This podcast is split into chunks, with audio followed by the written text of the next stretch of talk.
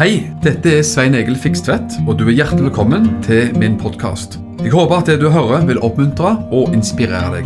Ønsker du mer informasjon om arbeidet i drivet, så kan du gå til mission-alliance.org. Gud velsigne deg.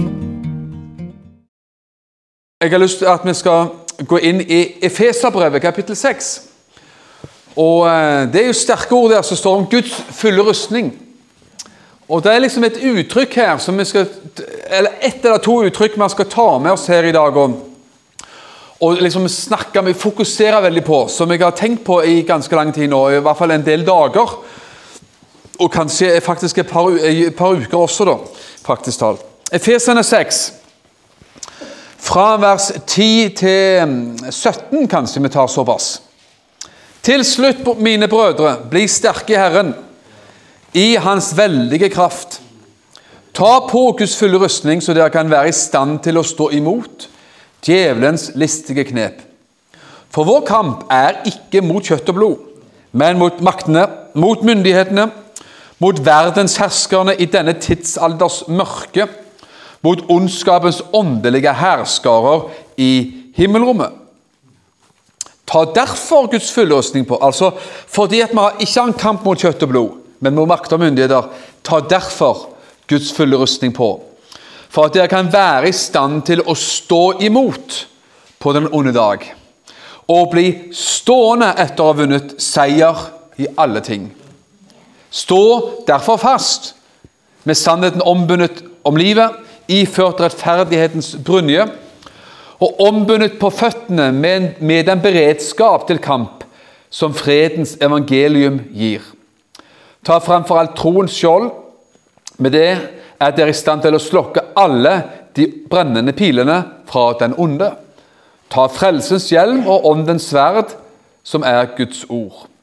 Og vi stopper lesningen der for tiden sin del. Men eh, de neste versene er jo veldig veldig viktige. Jeg vet ikke om du la merke til at jeg, jeg la vel kanskje litt trykk på noen ord her. For det står noe I hvert fall fire plasser her. Det står om å Stå, står det. Om å stå. Stå imot djevelens listige angrep. Vær i stand til å stå imot på den onde dag. Bli stående etter å ha vunnet seier i alle ting. Stå derfor fast. Og så videre og så videre. Når vi leser alt. Så står med 'stå'. Og Vi skal snakke litt om det om å, jeg har kalt det å stå fast i Herren. Det er også et uttrykk fra Bibelen. Stå fast i Herren. Stå fast i din kamp. Stå fast i din tro. Stå fast i sannheten. Stå fast i Herren. Bli sterk i Herren, og stå fast i Herren. Her står det som en oppmuntring, oppmuntring at vi skal bli sterke i Herren. Og det skal vi. Og så står det når man har blitt sterk i Herren, hva gjør man da? Jo, man står. Hm. Man står. Man blir stående, vet du. Vet ikke om du liker det eller misliker det. Men for, nå bruker jeg et, et litt sånn eh, eksempel fra boksing. boksing. Boksekamp. Eh, jeg vet ikke om du syns det, det blir vel litt for eh, voldsomt. Men det er artig òg, da.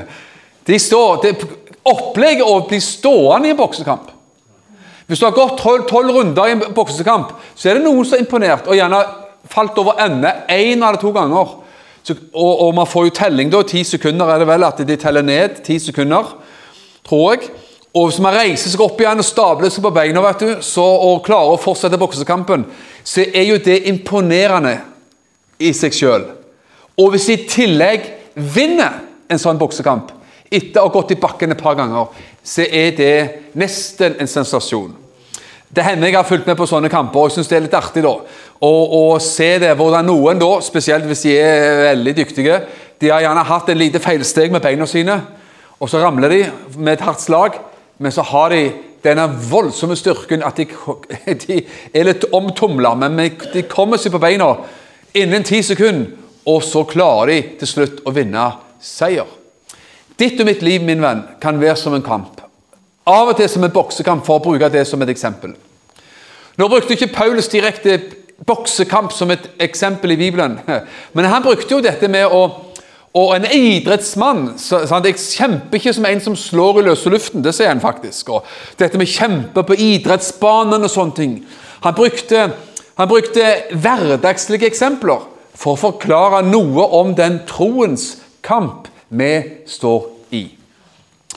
Og det ser man jo også at Paulus har jo noe av dette soldatlivet her. da Han snakker om Guds fulle rustning. Og Du har sikkert sett bilder av sånne romersk rustning vet du, med, med sånne skjold framme her, og sverd og, og, og, eh, hjelm og alt mulig. altså. Du har sikkert sett sånne filmer fra den tida. Eller, ikke, det er ikke filmer fra den tida i bokstavelig forstand, men vi har jo lagd filmer. Eh, Jesus-film og alt mulig. Som kan liksom Ben Hur og filmer som har gått, som viser liksom hvordan en romersk rustning så ut. Så har ikke vi romersk rustning lenger i Norge, men eh, man kan, si, man kan se for seg en soldat med skuddsikker vest og hjelm. og eh, Du har sett bilder fra Ukraina osv. Så sånn, eller politi som har rusta seg til, til, skarpe oppdrag. Nå bruker jeg eh, litt sånn blanda bilder her, da, snakker om boksekamp. Men jeg sier igjen, hvis ditt liv er som en boksekamp med tolv runder så hender det kanskje du fikk et fall. Du fikk en skikkelig eh, på tygga, så det gikk over ende. Men eh, en, en synd, synden er ikke å falle, synden er å bli liggende i fallet. Eh, det er fantastisk å reise seg igjen. Amen. Gled deg ikke over meg, min fiende, står det. Er det Mika, eller hvor det enn står? Gled deg ikke over meg, min fiende. Faller jeg, så står jeg atter opp. Sitter jeg i mørket, så er Herren mitt lys. Det er kraftige ord, altså. Skjønner, Vi fornekter ikke omstendighetene, men vi fornekter ikke at livet kan være krevende og tøft og ha sine utfordringer. Men vi kan ha en fantastisk styrke i Gud. Bli stående i kampen. Bli stående. Jeg leser disse få eh, liksom versene en gang til, eller disse linjene. Stå imot djevelens listige angrep. Eh, Vær i stand til å stå imot på den onde dag. Når er den onde dag? Ja, det er når du fikk deg en skikkelig en så du gikk i bakken. Bli stående etter å ha overvunnet alt. Bli stående, det er det Gud vil. Du blir stående etter å ha overvunnet alt. Og For å bruke igjen boksekamp-bildet, eh, liksom, så er det sånn at du har vunnet kampen i livet. Så er det som hvis Jesus er dommeren, da. Så løfter han opp din hånd og her er, her er han eller henne som vant kampen. Amen. Og motstanderen Djevelen får ikke, får ikke løfte hånda si. Han får, han får stå og sjangle med blåveiser i vanære. Og du og meg får lov til å bli stående etter å ha overvunnet alt. Det er så mye vi kan snakke om når det gjelder det å bli stående og ta Skjønner vi i, i menneskelig forstand, som mennesker så kan vi være svake. Og ikke bare kan være svake, som mennesker og i forhold til Gud og i forhold til den kampen man står i, så er man rent menneskelig så er man svak. Og Paulus sa det jo så underlig og så rart, om du vil. Han sier det i 2. kor 12, vers 9-10. Men han sa til meg Det var jo Jesus som talte til Paulus. Min nåde er nok for deg. Halleluja. For min kraft blir fullendt i skrøpelighet eller svakhet. Og så sier Paulus enda, enda mer rart, om du vil. Derfor vil jeg mest av alt rose meg av mine skrøpeligheter. Ja, tenk det. For at han, Og så må vi skjønne hva han snakker om. For at Kristi kraft kan ha rom hos meg. Mine, han var skjønte og anerkjente og vedkjente seg sine skrøpeligheter fordi han ville at Kristi kraft skulle ha rom og, og, og dominans i livet. Hvordan skal vi få oppleve krafta? At Guds kraft er tilgjengelig for oss? Jo, vi skjønner det bl.a. ved at vi vedkjenner oss vår egen svakhet. Og så prøver vi å snakke litt om det og mye annet også, da. Men følger med på klokka midt i alt dette. Men hør en ting. Jeg må lese en gang til vers 10. Derfor gleder jeg Først sier han at jeg skal rose meg av mine skrøpeligheter. Andre kor 12. Og så sier han da i vers 10 der Derfor gleder jeg meg i skrøpelighetene. Gleder meg i skrøpelighetene. I mishandling, i nød, i forfølgelser og angst for Kristus skyld. For når jeg er skrøpelig, da er jeg sterk. Når jeg er svak, er jeg sterk. Når jeg er skrøpelig, da er jeg sterk. Johannes 15, 5, Når Jesus snakker om vintreet, han er vintreet og vi er greinene, så sier han 'Jeg er vintreet, dere er grenene'. Den som blir i meg og jeg i ham, bærer mye frukt. Så sier han det er sant, amen, som et tre er i, en grein er i treet. Så kommer det liv og søvje fra treet til greinene, og det ser vi jo nå i full blomst ute. Ikke sant? Det er ikke fantastisk? Blader og blomstring på trær og alt mulig. Og så sier han det, vet du, at eh, som en ekstra påminnelse, sier Jesus, for uten meg kan dere slett ikke gjøre noe. Han minner oss om det. Altså, Pass på, husk det, at uten meg kan dere ikke gjøre noen ting. Derfor må du passe på at du blir i meg. Bli værende i meg. Bli, bli, bli værende og stående i ham. For der er kraften og der er styrken. Og han sier også, som en kontrast, uten meg kan dere slett ikke gjøre noen ting. Så skjønner jeg, Det er en sånn spenn i våre liv mellom kanskje styrke og svakhet som vi er nødt til å forstå. Fokuset er likevel styrken i Gud, naturligvis. Men Paulus sier at vi har denne skatten i leirkar. Ja, så har du igjen denne her, Flere plasser så snakker Paulus om begge deler. Skatten, hva er det? Det er Gud. Det er Den hellige ånds liv, kraft, alt hva Gud har lagt inn i oss. Det er skatten. Så er det sånn rart at Gud har lagt denne skatten i et leirkar. vet du. Det er som du skulle ta en, eh, Hvis du har smykke eller gullring, eller noe, så legger du det ikke i smykkeskrim. Du legger det liksom oppi sånn en eh, gammel hva skal man si, pappbegere pappbeger som du har drukket kaffe i. altså. Det, det, det, står ikke helt i stil til hverandre.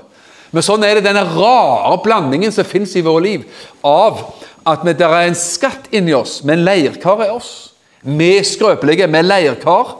Et leirkar var liksom ganske bare en vanlig hverdagslig ting som også da kunne være veldig skjør hvis han fikk slag. Harde slag, så er det pang, så ryker det.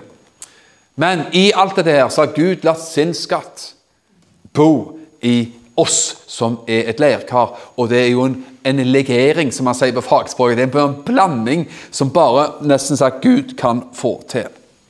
Efesene 3,16 Nå får du masse skrifter her i dag.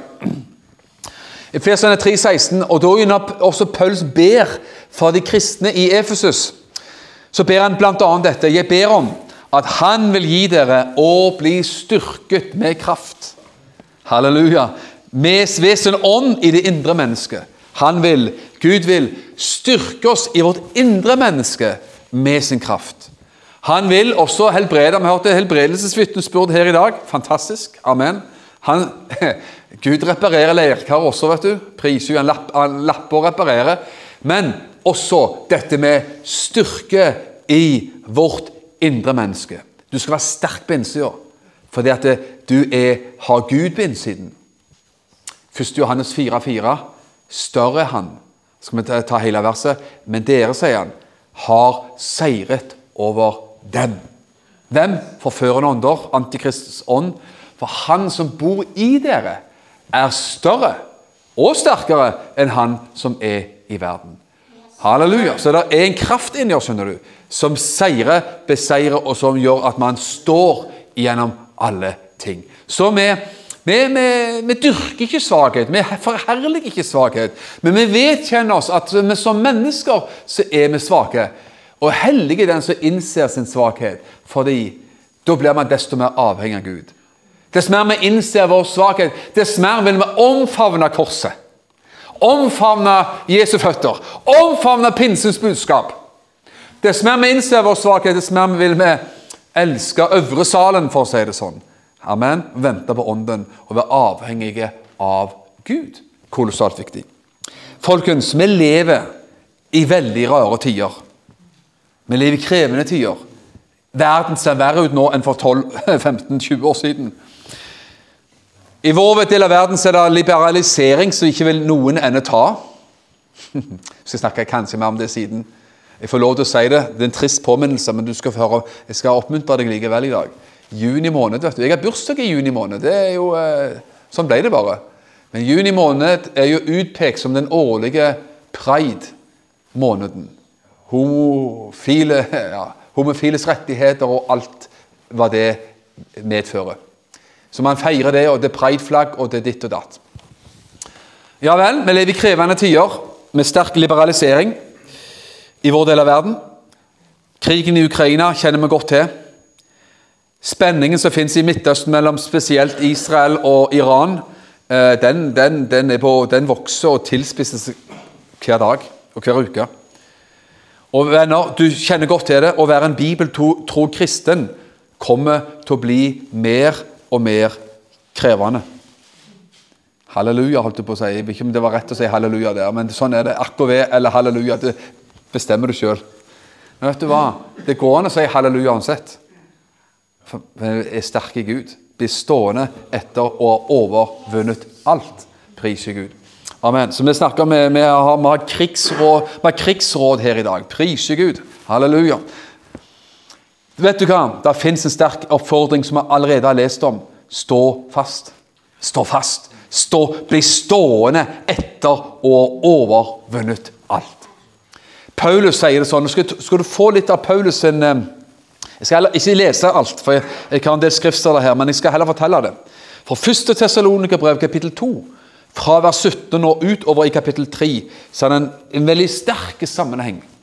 1. Tessalonika 2, 17 og et stykke utover. Paulus sier Han forteller, han snakker til tessalonikerne, og så forteller han om at det, for en stund siden, sier han, nå sier jeg det med mine ord, så var jeg og forkynte evangeliet i Tessaloniki.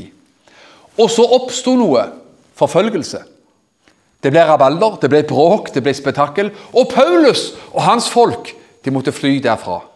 Men alle kunne ikke flykte derfra. Tessalonikerne som var nyfrelste, hvor skulle de gjøre av seg? De bodde jo der. De ble stående igjen og værende igjen i Tessaloniki, mens Paulus og hans folk de, de dro av gårde pga. at det gikk, eh, gikk, veldig varmt for seg. Altså. Det, gikk, det, gikk, eh, det var forfølgelse. Og så skriver Paulus dette fantastiske brevet, første Tessalonika-brev. Og så sier han at jeg, jeg, jeg bekymrer meg sånn, sier han. Jeg sier det med mine ord. Hvordan det har gått med dere, sier han. Altså det brev. Hvordan har det gått med tessalonikerne i den forfølgelsen som oppsto? Og så bekymrer Paulus seg og har denne jeg vil kalle det omsorgsbekymring. At han kjente at det, det, han bar på denne her, bekymringen i hjertet sitt for hvordan har det gått. Og så sier han også Har dere blitt overvunnet av fristeren? sier han. Eller har det gått godt? Og så sier Paulus i disse versene her Jeg prøvde én og to ganger å komme tilbake igjen til Tessaloniki. Men Satan hindret oss, sier han. Så Han prøvde så godt han kunne å komme tilbake igjen for å følge opp arbeidet, for å, for å gi omsorg og støtte til de nye troende. Og så klart, fikk, Han fikk det ikke til. Han kom ikke av gårde. Men så sier han når jeg ikke selv kunne dra, sier han, så sendte jeg Timoteus. Han var Paulsen høyre hånd. Det er det ingen tvil om. Så sier han jeg, jeg, fikk ikke til å dra sjøl, så dro, sendte jeg Timoteus av gårde. Og han, han lyktes med å komme av gårde. Og så sier Paulus, og nå igjen på fritt sitat Når Paulus kom tilbake, nei, når Timoteus kom tilbake igjen til meg, sier han. Og så sier han at det står vel til med dere. sier.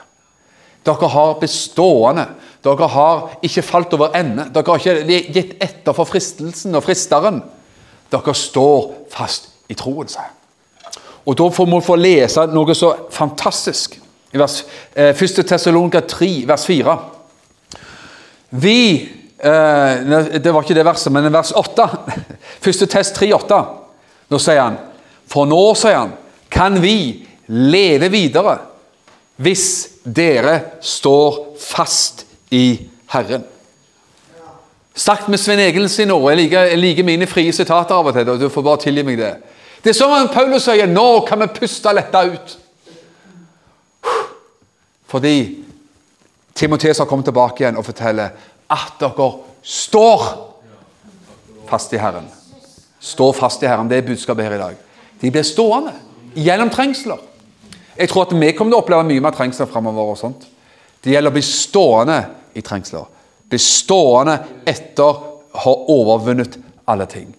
Og når du midt i denne bokserunden som jeg snakker om, disse tolv rundene i boksing, får du en så du går i bakken Halleluja. Så sier du som jeg tror det står i Mikael, som jeg sa Gled deg ikke over meg, min fiende. Faller jeg, så står jeg atter opp. Skjønner, Det er opplegget. Og skjønner, Det er en kraft i Gud. Det er nåde i Gud, det er tilgivelse i Gud, selvfølgelig, som gjør at man kan reise seg opp igjen og si at nå jeg tar, jeg fester hjelmen på hodet igjen og drar ånden på ny opp åndens sverd av slira og feite og kjempe troens gode strid videre i livet. Kolossalt viktig. For nå kan vi leve videre, sier Paulus til, til, salonikerne, fordi dere står fast i Herren. Halleluja. Vi snakker om å stå fast. Vi snakker om å være rotfesta og grunnfesta. Skjønner Du og meg må, vi må være rotfesta i noe. Vi er nødt til, nødt til å slå rot i noe. Og nettopp Bibelen har dette uttrykket både å bli rotfesta og grunnfesta. Rotfesta det passer jo godt når det gjelder når vi ser ute da, med trær og busker og alt som vokser og har røtter. Så, hvis du har planta et nytt epletre som er en liten sånn en koselig meter høyt tre vet du, som du kjøpte på plantasjen, eller noen plass, så, så, så, må du grave det ned i jorda vet du, og sette det fast. Og så er det jo litt sånn Det har ikke fått ut røttene ordentlig ennå. Det tar litt tid. Og det er gjerne ikke så støtt ennå, men vet du hva, etter et år eller to eller tre så har røttene, røttene gått ned, røttene har gått ut, og det står bom fast i enhver høststorm. Det har blitt rodfesta. Grunnfesta. Bygger du et hus, må du grunnfeste huset. vet Du Du kan ikke bare bygge det på sand. I hvert fall ikke sand.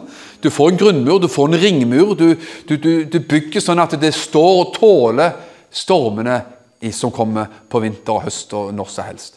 Det er kolossalt viktig å være rotfesta og grunnfesta. Og vet du hva? Bibelen snakker det, og det er kolossalt også viktig å snakke om her sånn. For det står det, Efesene 3, vers 16 og 17. Uh, igjen disse bønnene til Paulus. Og Så sier han at vi skal være rotfesta og grunnfesta i noe.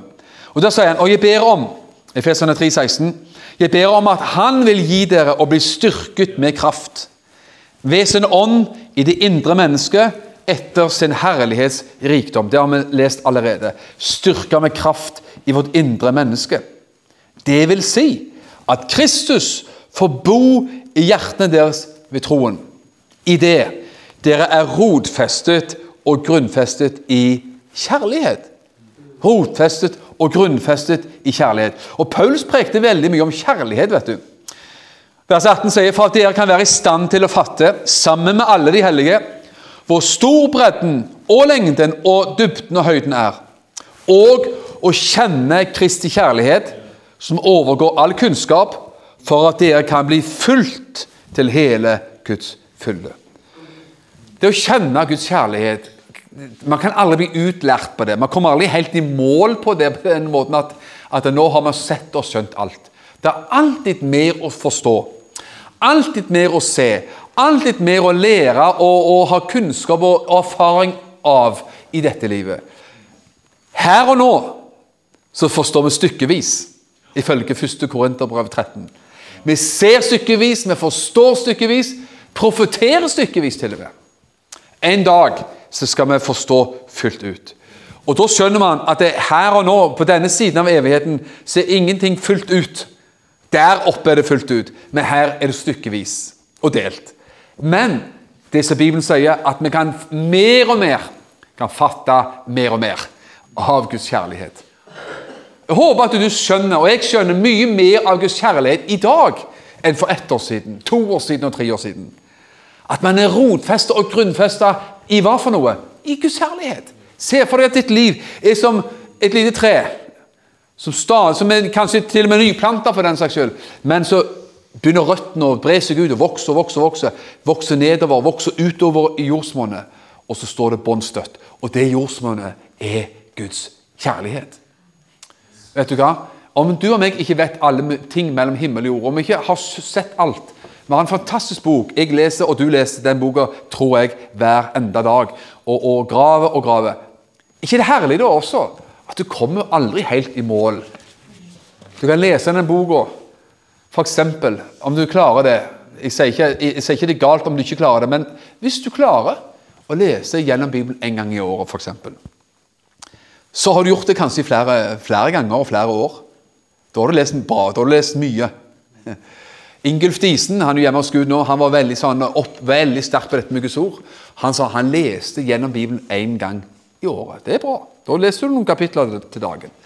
Men selv om du har gjort det i, om du har gjort det i 50 år, og du leser for den 51. gang, så er det ennå noe nytt å se. Ennå noe nytt å se. Du kommer ikke i mål. Det er på ny og på ny og på ny. Og på ny. Og det er jo herlig, vet du. Kan lese de samme brevene, evangeliene eller hva som helst. Så er det alltid noe nytt å se og forstå. Og prise Gud for akkurat det. Halleluja. Hva? Vi snakker om å stå fast, vi snakker om å være rotfesta, vi snakker om å være grunnfesta her i dag. Du,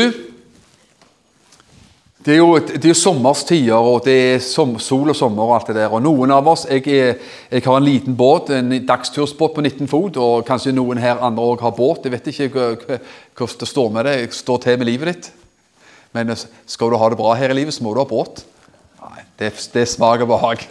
Det smaker behag. Men vet du hva? Du har hørt uttrykket å slå, eller sette sjøbein. Har du noen som har tatt med seg det? Det er nesten boksa gjør. vet du. Boksa, bokser, Han står ikke stivt med begge beina inntil hverandre. Da, da, er du, da, er du, veldig stødig. Du må, du må stå sånn som dette. Det setter sjøbein. Du setter beina litt fra hverandre, og så har du eh, mye større stødighet i livet. Gud vil at du skal stå fast og Gud vil at du skal sette sjøbein, spesielt når det, når det røyner på og du bytter imot i livet. Så må du kan ikke bare stå som en stiv som en pinne og stå sånn som en eh, hva skal man si, en eh, gardist, kong, som en kongens gardegardist. Nei, du er nødt til å ta, sette sjøbein og stå støtt. Være klar til kamp. Prise Gud.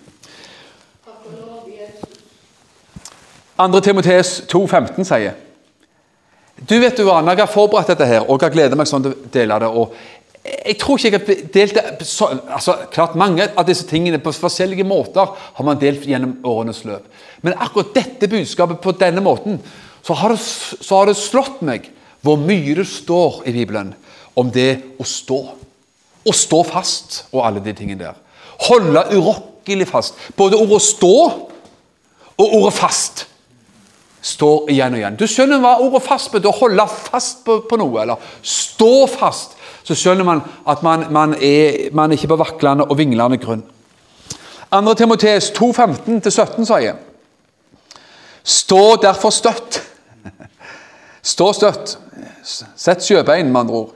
Stå støtt, brødre, og hold fast på de overleveringene dere ble undervist i enten ved ord eller brevet vårt. Nå snakker vi om to ting. Vi snakket først om å være grunnfesta og rotfesta i kjærlighet. Her står det om å stå fast og stå støtt i å holde fast på de overleveringene som er gitt, og dere har blitt undervist i, enten ved ord eller brevet vårt. Med andre ord stå støtt i den undervisning. Stå støtt i den forkynnelse stå støtt i den, i den eh, opplæring, bibelske naturligvis, opplæringen som du har fått. Hold fast på Nå skal du få enda et ord her, for det, det kommer i bøtter og spann. Hold fast på det du har, sa Jesus. Til en av mine den åpenbaringen. Jeg har det på skjermen her lenger nede. Er det Efesus eller Philadelphia? En av de, tror jeg. Hold fast på det du har, så ingen tar kronen din enda en gang hold fast på. Min venn, så ingen tar kronen din, men hold fast på det du har. Hold fast på det du har fått, så ingen tar kronen din. Hør. Krone er et nydelig ord. Også, også der står det masse om i Bibelen. Se for deg, Vær med på et lite bilde her. Noen har barn, noen har barnebarn, noen har hatt barn. Noen, altså, ikke hvor gamle og store og uh, unge dine barn og barn, barnebarn er. Men kan du se for deg, du La oss se for deg ei jente som er fem år, som har bursdag, og så har fått ei krone lagt og så har på hodet. Hun har fin kjole, og så har hun krone på hodet. Da ser du noe av det mest stolte og krya som fins. Altså. Er det, det, er toppen på lykke for ei fem år gammel jente. Prinsessekjole av hvit eller rosa farge og ei krone på hodet. Da er, da er dagen topp. Hva er det med krona? Krone, En konge sa vi før hadde krone. Kong Harald går ikke med krone hver dag, men han er, han er krona til konge i Norge. Gud står der som krona de med godhet og miskunn. Hva er krona? Jo, det står for noe, høy, noe høyhet. noe verdifullt, noe edelt. Er det ikke det? Det står for noe høyt, noe vakkert, noe kongelig. Hold fast på det du har, så ingen tar din krone. Hva er kronen i denne, dette tilfellet? Det som er av Gud. Skatten i lærkaret, kronen på ditt liv, er det som er av Gud. Kallet, frelsen, nåden, salvelsen. Hva enn Gud har lagt på ditt liv, er symbolsk eller åndelig talt som en krone på ditt liv. Hold fast på det du har, så ingen tar din krone. Kolossalt viktig. Hold fast på overleveringene. Priser Gud for det. Det står også i Apostelens gjerninger 2.41. De første kristne, hva står der? 2.42 kan vi ta. Apostelens gjerninger 2.42, hva står det? De holdt, hva tror du, hele tiden fast. Mm, da har du det igjen. Sjekk opp det ordet bare fast. altså du har sånn databibel, du kan, du kan skrive ned et ord. Slå opp ordet fast, så får du mye, altså. De holdt hele tiden urokkelig fast. Urokkelig fast ved hva for noe? Apostlenes lære, undervisningen altså. Ved samfunnet. Det er det vi har nå, bl.a. Fellesskapet i hellige samfunn. Ved brødsbrytelsen og ved bønnene. De holdt urokkelig fast. Du, hellige den person som har lært seg å holde urokkelig fast. Du trenger ikke vite alt. Ingen er perfekt. Vi snakker ikke om det. Men vi snakker om at man har blitt rotfesta, grunnfesta. Man holder urokkelig fast ved noen ting i livet. Jeg har lyst til å ta deg med inn i en historie. Da, vet, jeg elsker faktisk å preke fra Daniels bok. Og faktisk, jeg, jeg, følte faktisk jeg fikk et tiltale fra Herren en gang for noen år siden. Jeg skal ta det også med, da. Men, men eh, vi skal bare ta noen få vers etterpå. Og det var Jeg var på vei hjem fra Nepal og, og hadde vært med på flotte flotte møter der. Så fløy vi til Dubai eller Qatar, altså arabiske halvøy, og, eh, og så skulle vi fly til Amsterdam etterpå. Og så av en eller annen grunn så sto det da på sånn skjerm, nyhetsskjerm på TV-skjerm at det var, blitt, det var terrorattakk i Paris. Jeg tror dette var høsten 2015. Terrorattakk i Paris og sånne ting. Og av en eller annen grunn, når jeg bare så det på skjermen, så kommer det som lyn fra klar himmel. Av, jeg hadde ikke tenkt det i det hele tatt. Men når jeg så det jeg hørte den nyheten, så kjente jeg sånn tiltale med hjertet. Svein Egil, når du kommer hjem, så går du og leser og studerer Daniels bok. Og kjente akkurat som at det ble en slags kobling mellom terror og vanskelige tider og, og, og, og sånne ting som, som er ruller og går i verden, og det å lære seg å forstå og lese Daniels bok. Og Daniels bok har jeg prekt mye ut fra, og jeg elsker det. Og jeg elsker preka. Du vet, Vi har en sang. Husker du sangen 'Våg å stå som Daniel'? En sterk sang. Og det er faktisk det vi snakker om her i dag. Så det, Jeg kunne nesten kalt det for det. Stå fast. Våg å stå som Daniel. Våg å stå som Daniel. Og vet du hva? Det er en sterk og fin, koselig og herlig sang. Men vet du hva? budskapet er enda bedre. Innholdet. Å stå som Daniel. Bli stående. En mann den gangen som var tatt som fange, henta som fange fra Jerusalem ca. år 600 før Kristus. Tatt av, av den babylonske hæren, kongen Nebukadneser, og dratt over til Babylon. Og der tjente han i kongens palass. Og, og eh, Gud brukte han, og, og, han var en mann med solid karakter. Er du enig i det? Han var solid! Priser Gud. Men nå er det ikke Daniel, det var en liten pangtes parentes om Daniel. Men nå skal vi snakke om disse vennene til Daniel. Shadrach, Meshach og Abednego. Det er, det er navn, altså. Ikke bare navn, det er bra karer. Shadrach, Meshach og Abednego. Det står jo mest om Daniel i Daniels bok, men eh, nå kommer det en liten fortelling om Shadrach, Meshach og Abednego. Daniel kapittel 3, fra vers 1. Og um, Jeg bare forteller det litt sånn, og så skal vi heller lese noen få vers siden. Hva skjedde da? Jo, kong Nebukadneser lagde jo en statue. En, en gedigen statue av en guddom. Uh, en babylonsk gud som kanskje også, Man kan mene at det, kanskje det var var han For han statsledere på den tiden kunne bli, også bli tilbedt som en gud. Sånn som han nesten, nesten ser i Nord-Korea. Men det var en guddom, en statue, på 27 meter. Det er ganske stort. Og da var jo ordren det at alle skulle på gitte signaler så skulle man falle ned og tilbe foran statuen. Og tilbe statuen og tilbe den babylonske guddom. Men problemet var, mine venner Problemet var at i det babylonske riket så var det kommet henta over vet du, en del jødiske menn og kvinner. Og de var annerledes. Annerledes. Har Gud kalt deg og meg til å være annerledes, mon tro? Det kan jeg love deg. Du er kalt til å være annerledes enn det som er vanlig kutyme i denne verden. Ok, hva skal vi lese nå, da? De nekta å gjøre det. Og da hopper vi egentlig til, til, her begynner, Historien begynner fra Daniel kapittel 3, fra vers 1. Men nå leser vi Daniel 3, 15 og nedover. Og så sier han Da er det kongen som sier til, til disse tre jødiske menn Shadrach, Meshach og Abednego Hvis dere bare er klare på den tiden dere hører lyden av horn, fløyte, lyre, harpe, lutt og trommer, sammen med all slags musikk, så dere faller ned og tilber billedstøtten eller statuen som jeg har laget. Det var det de skulle, vet du. På et gitt signal så skal de falle ned. Så er det godt, sa kongen. Ja, det syns du nok.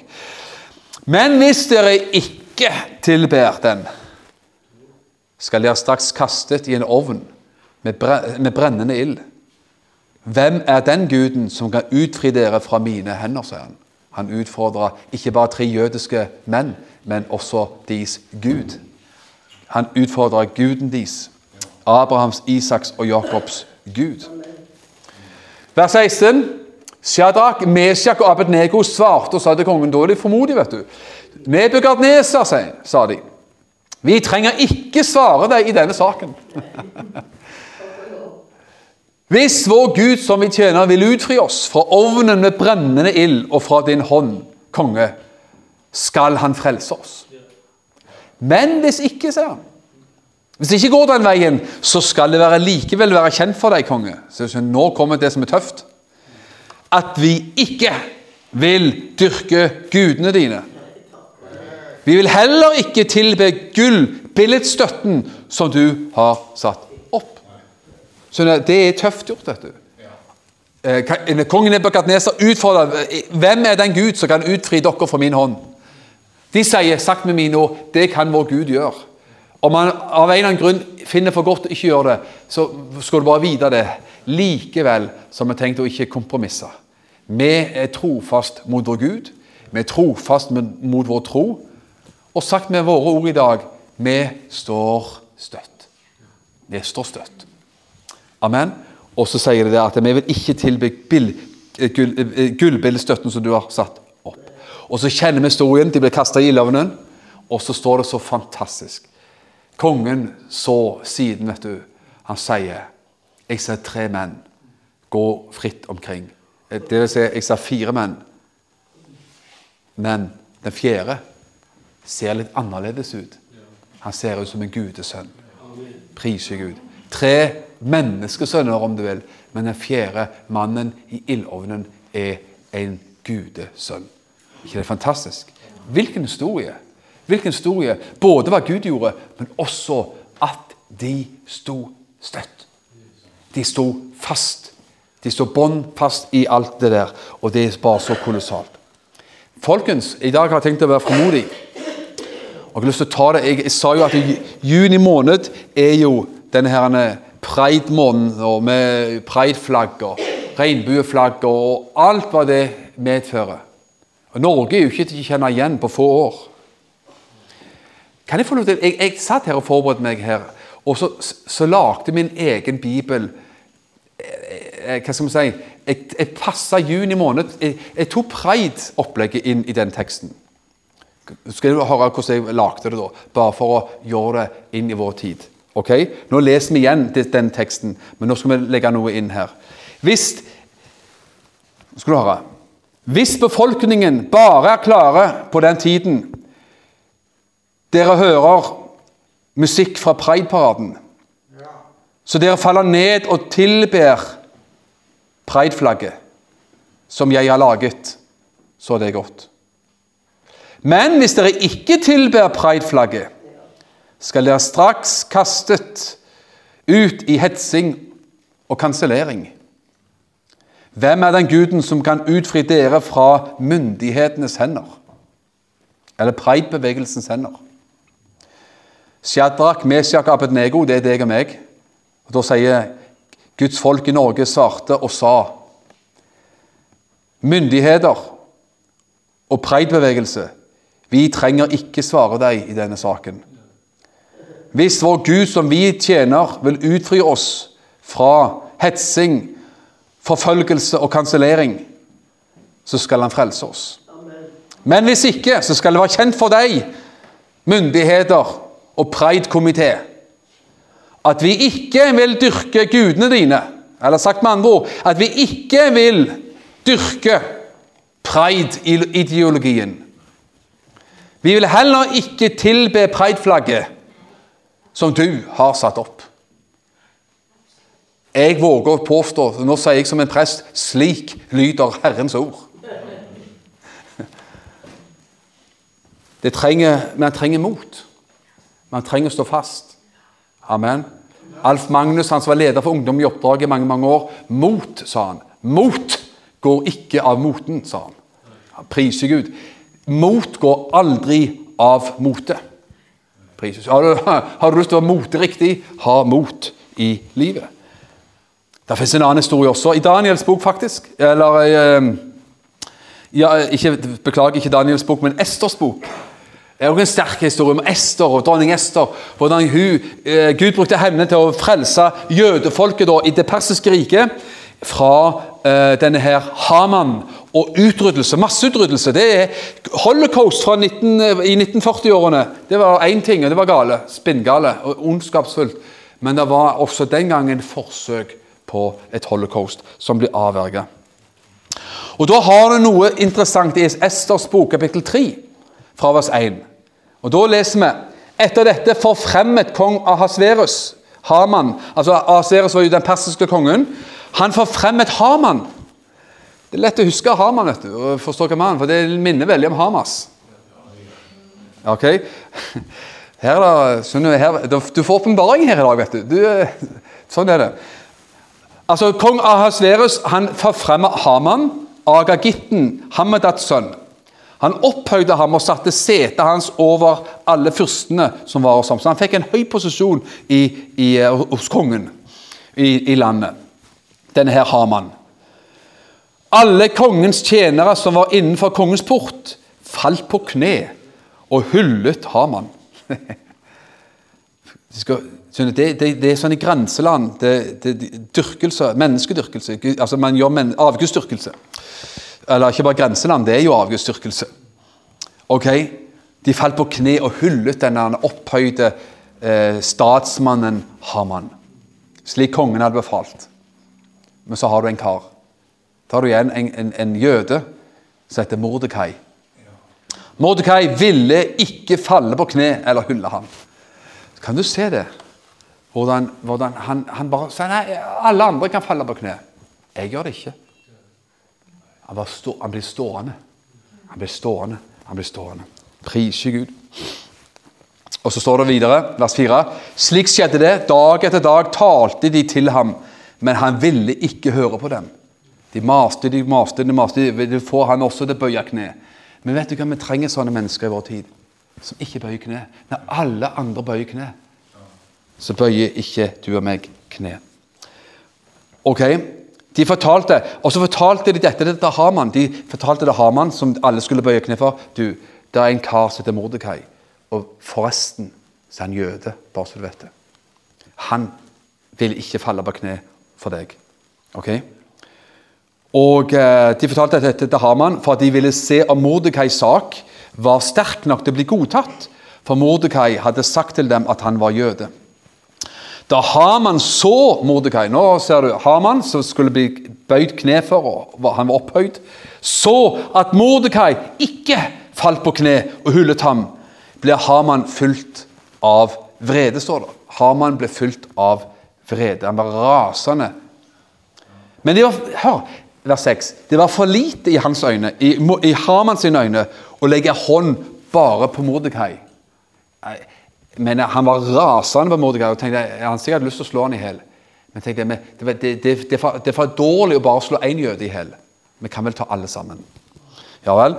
Derfor ønsket Haman å få utryddet, utryddet alle jødene som fantes i Ahasveros kongerike, Mordekais folk. Og så kjenner du sikkert da videre historien om akkurat dette her sånn. Det er jo en, en sterk historie um, fra andre verdenskrig som, som, og som jeg har sett bilder av, som er ganske sterk, egentlig. Nå, hvis Jeg kommer på, jeg burde huske navnet, hvis ikke så skal jeg eh, så, Jeg kanskje kommer på navnet på denne karen etter hvert. Men det her var en ung mann i, i Nazi-Tyskland. Han var ung og brennende i nazipartiet og var en lovende mann som sådan. Så skulle man eh, i, på et stort skipsverft i Tyskland ha sånn skipsdåp. Man eh, har seremoni, og så slenger man en champagneflaske i båten, og så, så blir det liksom en såkalt skipsdåp. Og så ser man alle arbeiderne på dette verftet de hadde Hitler-hilsen, nazihilsen, og, og hilste sånn mot skipet og mot de som innvia skipet. Om det var Hitler sjøl som innvia skipet, det skal være usagt. Og Det er bilder av det på, på, på internett osv. Alle står sånn, Tusenvis av mennesker står sånn i Hitler-hilsen, nazihilsen. Men midt i den svære mengden så er det en mann som står sånn. Alle andre står sånn. Så er det en mann midt i som står sånn. Og historien til han er helt fantastisk. Og det, Den går sånn som dette her. Han var en ung, lovende nazist en gang i tida. Men så fant han seg ei dame, og han oppdaget jo at hun var jødisk. Og da fikk han jo problemer med nazi-ideologien et øyeblikk. Så han forlot sin nazi-ideologi, for han var jo sammen med og hadde funnet kjærligheten med altså ei jødisk jente. Så han sto sånn da alle andre sto, sto sånn, så sto han sånn. Og han fikk betale en pris for det. Begge både han, han De søkte til og med tillatelse fra myndighetene den gangen om å få lov til å gifte seg. De fikk avslag for hun var jøde, og han var tysker. Ja vel. Og begge ender sine dager i løpet av krigen. De ble sendt i konsentrasjonsleir. og uh, i hvert fall Damer gjorde det. Om han ble sendt ut i krigen og døde i krigen, det står, det står litt uklart for meg. Men begge fikk et kort liv. Men for en mann som sto sånn når alle andre gjorde sånn. Vi trenger sånne. Han var en slags Daniel-type. Han var en slags Mordekai-type. Og vet du hva? Gud vil at du og meg skal være sånne typer som ikke bøyer oss for gudestatuer eller prideflagg eller andre ting. Vi gjør faktisk ikke det. Man gjør ikke det. Priser Gud for det. Man står støtt, og man står sterkt i Herren Jesu Kristi navn. Takk for at du har lytta til denne podkasten. Jeg ønsker deg en velsigna god dag.